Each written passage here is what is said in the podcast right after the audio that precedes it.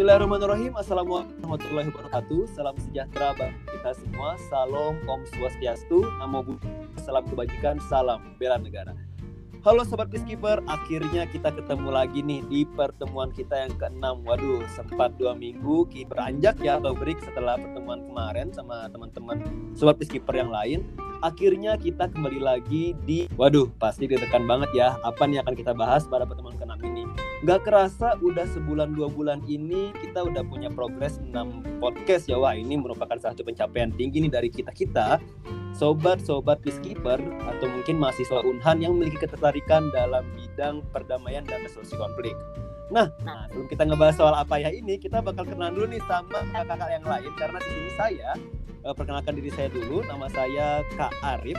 Uh, saya dari Samarinda, saya juga sangat tertarik dalam bidang peace, terutama dalam bidang yang berkaitan dengan UN Peacekeeper. Nah, di sini saya tidak sendirian nih teman-teman semuanya pendengar suatu Peacekeeper saya juga ditemani oleh dua rekan saya yang pertama mungkin kita sambut dulu dari Kak Budi. Silahkan Kak Budi. Oke, Sobat Bis. Halo semua, salam kenal. Nama saya Budi. Saya dari Yogyakarta. Terlihat kan dari dari actionnya, dari logatnya, merdoknya. Nah, saya dari Jogja. Nah, salam kenal teman-teman semua, Sobat Peacekeeper semua. Uh, saya juga tertarik dengan uh, perdamaian dan resolusi konflik. Oke, kembali ke Mas Arif. Oke, waduh, kita baru aja nih disapa sama dari Yogyakarta. Nah, kemudian nih kita nggak juga kalah jauh lagi nih ada kakak yang cantik di sana. Silahkan Kak Tania. Halo. Halo semuanya, saya Tania Novita. Apa kareba? Saya dari Makassar. Waduh, dari Makassar ya. Ini juga salah satu suatu skipper kita yang nggak jauh ciamik dari teman-teman kita yang lain. Ya untuk Kak Tania dan juga Kak Budi yang udah join sama kita pada hari ini dan juga saya Kak Arif bertiga. Pasti bakal bertanya-tanya nih, loh kok Kak hari ini cuma tiga orang kan kemarin empat orang bahkan lima orang. Ah, jadi uh, sebenarnya kita di sini mengundangnya beberapa orang. Jadi teman-teman kalau kemarin sudah mendengar banyak banget sobat-sobat skipper yang lain, ada ada Kak Siva, ada Kak Arif, ada Kak Gita dan sebagainya tapi hari ini kita bakal bertemu oleh saya juga, Kak Arif, Kak Tania, dan juga Kak Budi. Nah, balik lagi nih ke pembahasan kita yang pertama. Kemarin kita udah ngebahas soal banyak banget tipe-tipe konflik.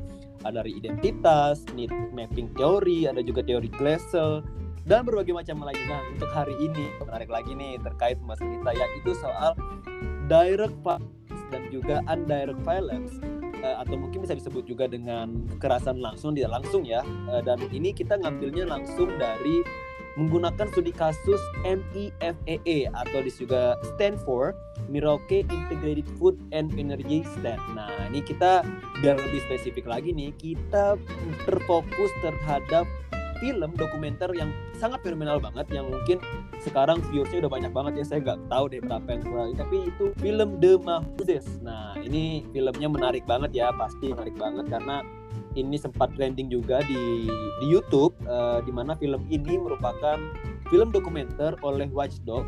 Ini kalau misalnya men mengatakan Watchdog pasti teman-teman familiar ya dengan film-film beliau gitu. Nah, ini filmnya berdurasi 1 jam 25 menit dan tema besar dari film ini itu adalah konflik agraria di Merauke. Nah, Merauke ya. Dan dalam film, film dalam film ini itu sebenarnya dibahas ada satu nih, adalah proyek mega uh, Pak Jokowi untuk membuka 1,2 juta hektar lahan pangan bagi masyarakat-masyarakat bukan saja masyarakat wah menarik banget nih kalau kita bahas soal film tentang Huzes. Nah dalam film ini ada tiga alur. Yang pertama ada bagaimana sih sebenarnya awal permasalahan MIFEE kemudian bagaimana konflik warga Mahuze dengan PT ACP ya PT yang sangat besar ya PT Agri Prima Citra Besada dan juga ada permasalahan tanah keramat turun temurun yang ini memang merupakan salah satu pembahasan di film ini. Nah sebenarnya ini juga saya yakin ada Budi juga kan ini ketatnya kita juga udah pernah nonton bareng ya kayak terkait film ini dan ini memang sangat menarik pasti. Dan di sini kita coba sebelum kita balik ke uh, saya sedikit mau menjelaskan itu soal latar belakang masalahnya itu apa sih sebenarnya dalam film ini. Nah yang pertama asal usul pertanian Papua dari masa Belanda sebagai asas dari MIFEE jadi jauh sebelum MIFEE ini berdiri jadi zaman dahulu Papua juga sempat ada gitu pengen proyek lumbung pangan di Papua sana khususnya di Merauke yaitu tahun 1931 uh, yaitu kayak skala luasnya ya sekitar berapa ya sebenarnya kayak beberapa hektar itu di kampung Kube distrik Kurik yang kala itu disebut dengan Rich Project menggunakan bahasa Belanda ya atau proyek padi Kube. Nah kemudian akhirnya sampai saat ini akhirnya sangat berkembang berkembang berkembang. Nah tapi ada suatu masalah yang paling mengkerucut dalam film ini yaitu adanya ada temurun turun temurun yang sangat bertabrak orang-orang sana gitu yang di mana adanya turun temurun antar suku dalam kelangsungan itu terhadap pembukaan lahan. Nah tadi di awal kita sudah sebut nih soal direct dan juga indirect violence atau kekerasan langsung tidak langsung. Pengen nanya dong sama Kak Budi nih sebenarnya apa sih kak ya, menurut kakak nih kan kalau kita paham terkait ya satunya kak Budi ya itu ada namanya uh, direct violence dan juga ada indirect violence. Nah, kakak, mungkin Kak Budi bisa ngejelasin kita nih apa sih indirect violence film ini tuh apa aja gitu yang kalau bisa kita tarik ya dari film ini coba Kak Budi silakan deh. Oke terima kasih Kak Arif. Uh, gini Kak Arif atau Kak Tania atau teman-teman pendengar semua sobat peacekeeper okay. kira-kira kalau tiba-tiba ada orang berkelahi tiba-tiba ayo kita bertumbuk des des des kira-kira mungkin nggak? Uh, aduh gimana ya? Nggak aduh mungkin sih kalau itu mungkin akan marah sih ya mungkin ya. Nah pasti seseorang itu punya penyebab. Penyebab kenapa dia bisa berkonflik bisa melakukan kekerasan bisa tinju-tinjuan atau kalau bahasa Melayu bertumbuk. Nah okay. itu pasti ada uh, alasannya nah maka dalam teori Galtung itu ada segitiga kekerasan di mana di segitiga itu ada separuh dibagi menjadi dua, yaitu yang visible, kekerasan yang visible, yang terlihat, dan yang invisible, yang tidak terlihat. Nah, kekerasan yang terlihat itu ya tadi direct violence, yaitu kekerasan langsung yang terlihat. Nah, itu yang bisa biasa kita lihat ada orang berkelahi, ada orang istilahnya tawuran atau yang lain. Itu kekerasan yang terlihat. Nah, yang kedua ini kekerasan tidak terlihat invisible itu ada dua yaitu struktural dan kultural. Nah ini yang sering kali terlewatkan orang cuma fokus pada orang berkelahi oke dilerai dilerai padahal mereka juga punya alasan kenapa mereka melakukan itu yaitu karena mereka mengalami kekerasan struktural dan kekerasan kultural. Lalu apa sih kekerasan struktural itu? Kekerasan struktural adalah tindakan yang ada dalam masyarakat sebagai ketidakseimbangan kekuasa, kekuatan dan sumber daya. Jadi ada kekerasan yang diakibatkan adanya kesenjangan kekuatan ataupun kedudukan yang ada di masyarakat. Gitu Kak Arif. Oke, benar nah, banget. Terus mengenai kasus Merauke ini, MIFE ini, kenapa sih kekerasan struktural apa sih yang ada di sana? Nah, yang pertama yaitu tanah-tanah adat suku Malin. Nah, ini kan belum dijelasin kan. Sebenarnya ini masalahnya adalah antara suku masyarakat Malin yang ada di Merauke dengan perusahaan-perusahaan dan pemerintah yang yang ada di belakangnya. Nah, itu konfliknya di mana masyarakat Malin ini sudah jauh tinggal sebelum bahkan sebelum zaman dulu sebelum Indonesia merdeka masyarakat Maling okay, ini sudah ada di Merauke dan masyarakat Maling ini kemudian membentuk uh, berbagai marga yang tersebar di Merauke. Kekerasan struktural strukturalnya apa? Tanah-tanah mereka, hutan-hutan adat itu dijadikan bagian dari program MIFE ini. Padahal mereka itu nggak setuju Makanya itu adanya ketimpangan kekuatan dan sumber daya. Itu yang terjadi. Nah, gini, alurnya tak ceritain dulu ya, teman-teman semua. Aduh. Jadi, Ayo, ayo Pak Guru silakan Pak Guru. Oke, siap. Jadi tahun 2008 itu Pak Bupati Merauke mencanangkan program MIFE ini. Baru pada tahun 2010 pada tanggal 11 Agustus keluar undang-undang mengenai program MIFE ini. Baru perusahaan-perusahaan itu berbondong-bondong datang ke Merauke. Nah, pada tanggal pada tahun 2015, Bapak Presiden kita, Bapak Joko Widodo, itu sedang panen raya di sana. Kemudian menargetkan 1,2 juta lahan pertanian di distrik Kurik Merauke. Nah, yang perlu diketahui dari 1,2 menurut cat catatan dari Greenomix Indonesia ini sebuah LSM itu satu juta 157 hektarnya itu adalah hutan. Jadi bukan lahan pertanian yang kita bayangkan ada di Jawa, di Sumatera, di Sulawesi, tapi di hutan. Dan hutan itu hutannya orang-orang Malin. Itu. Jadi Oh, kekerasan oke. strukturalnya seperti itu. Nah, kira-kira masuk nggak ini ya? Kan ini jelas banget nih kak, ini jelas banget, jelas banget. Jadi emang itu tanah leluhur. oke, Nah, lanjut nih ya, kultural ini ya. oke lanjut dulu kak, lanjut dulu deh. Ini Oke. makin menarik nih. Nah, kan tadi ada struktural sama kultural. Nah, yang kul- kekerasan kultural ini adalah aspek simbolik dalam masyarakat yang digunakan untuk membenarkan kekerasan. Kita tahu masyarakat Indonesia bagian tengah dan barat itu udah mampu me- istilahnya memproduksi pangan atau yang kalau dalam bahasa antropologi disebut dengan food producing. Sementara saudara-saudara kita di Indonesia Timur, termasuk orang-orang Malin ini, ini adalah orang-orang yang masih menggantungkan pada pengumpulan makanan atau bisa disebut food gathering. Ada kesenjangan. Nah, kekerasan kulturalnya adalah dengan perspektif pemerintah bahwa pertanian itu harus food producing seperti di saudaranya di barat, teknik pertanian seperti padi, jagung itu dibawa ke Merauke.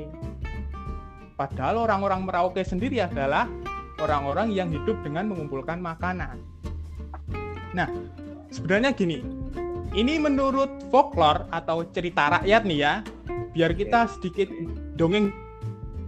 Aduh, ini enak Menurut- banget nih di kayak gini ya. Iya, Oke kak. menurut cerita masyarakat Malin, orang-orang Malin ini lahir dari seorang dewa yang turun ke bumi sebagai dalam bentuk manusia yang disebut dengan Dema. Dema ini kemudian mempunyai anak yaitu Nugok dan Denadin. Nugok ini adalah manifestasi dari tanah sebagai ibu pertiwi kalau bahasa Indonesia bagian barat. Oke. Nugok. Kemudian Denadin itu adalah angkasa yang menjadi manifestasi dari bapak. Kemudian melahirkan suku yang disebut dengan Sami dan Gep. Ini orang-orang Malin juga. Orang-orang Sami ini disebut sebagai orang Malin yang tinggal di pantai. Kemudian orang Gep ini orang-orang Malin yang tinggal di pedalaman. Nah, mereka sama mempunyai tugas yang sama yaitu menjaga Nugok sebagai Nugok ini tadi apa? Ibu Pertiwi. Nah, yang dima- ya, yang dimanifestasi tanah. Jadi mereka punya kewajiban untuk tanah. Nah, yang perlu diketahui, tanah-tanah adat atau hutan adat suku Malin ini bukan cuma untuk mencari makan. Di hutan, mereka itu juga beribadah, memuja nenek moyang mereka. Bayangkan, kalau hutan adat mereka itu hilang, kekerasan kultural ini semakin kelihatan kan? Mereka nggak bisa beribadah di hutan adat mereka. Bener banget. Nah, itu Waduh, itu ini ini jujur aja nih kak eh, kak Budi. Saya juga baru tahu cerita cerita ini. Ternyata ternyata apa ya emang eh, sebenarnya sangat complicated gitu. Ini sangat menarik kalau kita tarik dari kulturalnya atau mungkin dari strukturalnya which one yang itu aku paling paling apa ya paling eke apa yang hair catching ya? Bukan bukan eye catching karena kita podcast itu adalah mereka jadi emang hutan ini bukan hanya untuk mencari sebagai tempat food producing mereka ya maksudnya dalam bentuk sagu atau mungkin makan tapi juga tempat ibadah ternyata ya bagi mereka ya. Iya, hutan Wah. itu jati diri, jati Wah, diri oke, bagi orang-orang Malin. Maka kalau hutannya hilang, dirubah menjadi istilahnya kebun kelapa sawit kayak atau pertanian padi, beras, eh gabah, kemudian jagung dan yang lainnya, mereka kehilangan identitas mereka. Itulah kekerasan kultural. Seperti Oh, itu. Oke, jadi eh, dua hal ini sih yang bakal nanti bisa terjawab nanti setelah ini nih ada kita jangan spoiler dulu kayak tapi sini ada kayak direct balance-nya apa sih gitu kita nggak bakal jelasin. Tapi Nah, sebenarnya uh, ada beberapa poin yang aku tarik ya di sini memang uh, sangat complicated sebenarnya walaupun memang kok secara secara singkat kita mendengarkan Bapak Jokowi ingin buka lahan seber 1,2 juta hektar tuh kayak wah ini kayaknya bakal menjadi terobosan atau mungkin um, apa the new extra miles gitu. Tapi kalau kita melihat bagaimana akhirnya di sana ada temurun-temurunnya atau bagaimana pangannya bagaimana gatheringnya bagaimana pendatangnya semena-mena itu kayaknya agak pesimis mana untuk mengembangkan. Nah, tapi buat sobat peacekeeper nih sebelum before any further, kita menyarankan banget uh, untuk menonton film The Mahuzes kayak ini biar kita tektokannya asik nih biar bisa juga apa yang kita jelasin juga bakal masuk gitu ya dengan ini kita uh, kita paparkan pada hari ini bener nggak pasti kan ya? oke iya pasti okay. nah oke nambahin satu nih jadi kan tadi ada direct violence kemudian struktural kemudian kultural. Ada satu lagi nih yang ditambahkan sama teman-teman nih yaitu ekologi violence kekerasan ekologi. Nah di sana itu sebelum ada proyek MIVE ini teman-teman sobat-sobat peacekeeper semua air yang ada di Merauke itu masih jernih. Bahkan kalau menurut filmnya itu di film Mahuzes itu air itu bisa langsung diminum tapi sekarang gara-gara terjadi perubahan hutan hutan adat tadi airnya itu jadi tercemar jadi keruh dan nggak bisa seperti dulu lagi dan yang perlu diketahui ini hutan hutan adat Malin itu juga menjadi mata air bagi suku Malin. Jadi mereka datang ke hutan bukan cuma ambil sagu, ambil burung atau ambil kasuari mungkin, tapi mereka juga mengambil minum. Karena tiap hutan itu punya mata air yang dijadikan tumpuan kehidupan mereka. Itu kekerasan lingkungan. Jadi yang perlu di, menjadi evaluasi buat kita semua termasuk juga buat pemerintah. Itu okay, aja kembali okay, ke okay. Kak Arif. Oke, aduh menarik banget nih. Akhirnya udah terkupas semua nih soal undirect violence kisah nyata ya, bukan kisah tidak nyata nih kisah nyata soal uh, eh, MIFEE atau MIFE. Nah, uh, menurut John Galtung, uh, terjadinya kekerasan atau violence itu bakal disebabkan dengan adanya undirect violence. Nah, mungkin kita udah ringkas sama Kak Budi yang makasih banget penjelasannya sangat-sangat detail soal ecological violence, soal social violence dan juga cultural violence. Nah, bagaimana jadinya setelah hal ini semua terjadi akan membentuk arah atau mungkin suatu perlawanan dari dari masyarakat Malin atau masyarakat Merauke. Yang bakal dijawab nih langsung kita langsung nyapa aja katanya nih. Katanya katanya dalam hal dari balance apa nih yang bakal terjadi di uh, di sana gitu? Mungkin katanya bisa ngejelasin ke kita deh. Oke okay, jadi uh, terkait dengan direct violence-nya kan ada dong ada konflik yang langsung dan yang tidak langsung seperti yang dijelaskan oleh Kak tadi. Nah uh, mengenai penjelasannya sebelumnya direct violence itu adalah suatu kekerasan yang langsung merujuk pada tindakan yang berkenaan dengan fisik dan uh, psikologis seseorang nih. Uh, dari apa yang dijelaskan oleh Kak Budi tadi, uh, sobat-sobat uh, peacekeeper bisa lihat bahwa yang menjadi permasalahan di dalam uh, konflik ini adalah adanya pembatasan hak dalam uh, penggugatan yang melibatkan kekerasan psikologi dan fisik antara pembuat kebijakan, perusahaan, dan warga Merauke secara khususnya suku Malin ini. Nah, kenapa ini bisa jadi penting? Karena ternyata terkait dengan hak-hak uh, masyarakat adat itu sendiri masih dija, uh, dijamin di dalam uh, dunia internasional, khususnya pada di The Universal Declaration of Human Rights dan secara lebih khusus lagi dilanjutkan pada the United Nations Declaration on the Rights and Indigenous People yang mana dikatakan bahwa masyarakat adat itu uh, tidak bisa dipindahkan secara paksa dari tanah dan wilayah mereka. Nah, hal ini menunjukkan bahwa uh, masyarakat adat itu punya hak yang kuat di dalam dunia internasional sendiri. Nah, karena itu damp uh, nampaklah kemudian uh, konflik secara langsungnya ini yang berkaitan dengan pembatasan hak, khususnya hak masyarakat adat terhadap wilayahnya ini uh, mungkin bisa dijanjikan dulu bagaimana akhirnya? Tadi ada sempat menjelaskan uh, eh, UNVAW ada juga UDHR ya bahwa kekerasan ini akhirnya terbendung gitu kayak katanya ya di masyarakat gitu ya. Oke, okay, selain itu uh, sebenarnya untuk melihat uh, atau menganalisis suatu konflik itu kita juga bisa gunakan teori analisis bawang bombay nih kakak-kakak sekalian namanya mungkin agak unik ya analisis bawang bombay. Nah, kenapa dinamakan iya bawang? Nah, sebenarnya konflik ini dia analogikan dengan bawang dalam artian untuk melihat inti atau poin dari konflik tersebut, uh, kita harus melihat konflik itu bagaikan bawang yang terdiri atas tiga lapis. Lapisan yang paling luar itu, jadi kakak-kakak bisa bayangkan ya, ada sebuah bawang. Nah, di lapisan paling luarnya itu namanya posisi terus lapisan dalamnya yang kedua itu namanya kepentingan dan yang paling dalam itu namanya kebutuhan. Nah, ada tiga hal yang dilihat dalam analisis bawang bombay ini, yaitu posisi, kepentingan, dan kebutuhan. Dari film ini, dia cuman dia tidak hanya menunjukkan dari perspektif orang asli Papua atau suku Malin itu sendiri, tapi juga dari perspektif pendatang dalam hal ini perusahaan yang memanfaatkan proyek MIFE ini untuk kepentingan mereka. Nah, kalau dari posisi orang asli Papua itu sendiri, dapat dilihat bahwa posisi penduduk asli uh, tiap marga itu mereka masih menjaga uh, adat istiadat mereka dengan kuat seperti yang dibahas oleh Kak Budi dan Kak Arif tadi bahwa mereka itu masih menjaga sistem tanah mereka yang berhubungan juga dengan marga mereka. Kemudian kepentingan mereka itu uh, mereka memiliki kepentingan untuk menjaga tanah asli mereka untuk mencari pangan serta untuk mengusir para pendatang yang semena-mena membuka lahan. Jadi selain mereka uh, menjaga uh, wilayah atau tanah adat mereka, sebenarnya mereka juga sangat menjaga keadaan alam sekitar mereka seperti itu. Karena mereka itu uh, masih bersifat bagaimana ya? Uh, masyarakatnya masyarakatnya masih sangat alami dan uh, menjunjung tinggi uh, lingkungan sekitar. Mereka berusaha untuk menjaga lingkungan sekitar tersebut.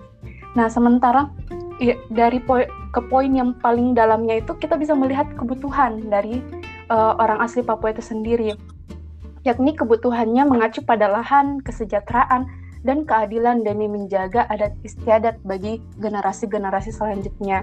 Dari kebutuhan inilah kemudian tergambar bahwa ini yang merupakan poin inti dari permasalahan atau konflik yang mana berkaitan dengan uh, konflik pembatasan hak tanah adat istiadat khususnya untuk masyarakat Malin. Kalau dari segi pendatang sendiri, perspektif pendatang ini kita juga bisa lihat posisinya itu sebagai orang yang memiliki kebijakan untuk mendukung proyek nasional.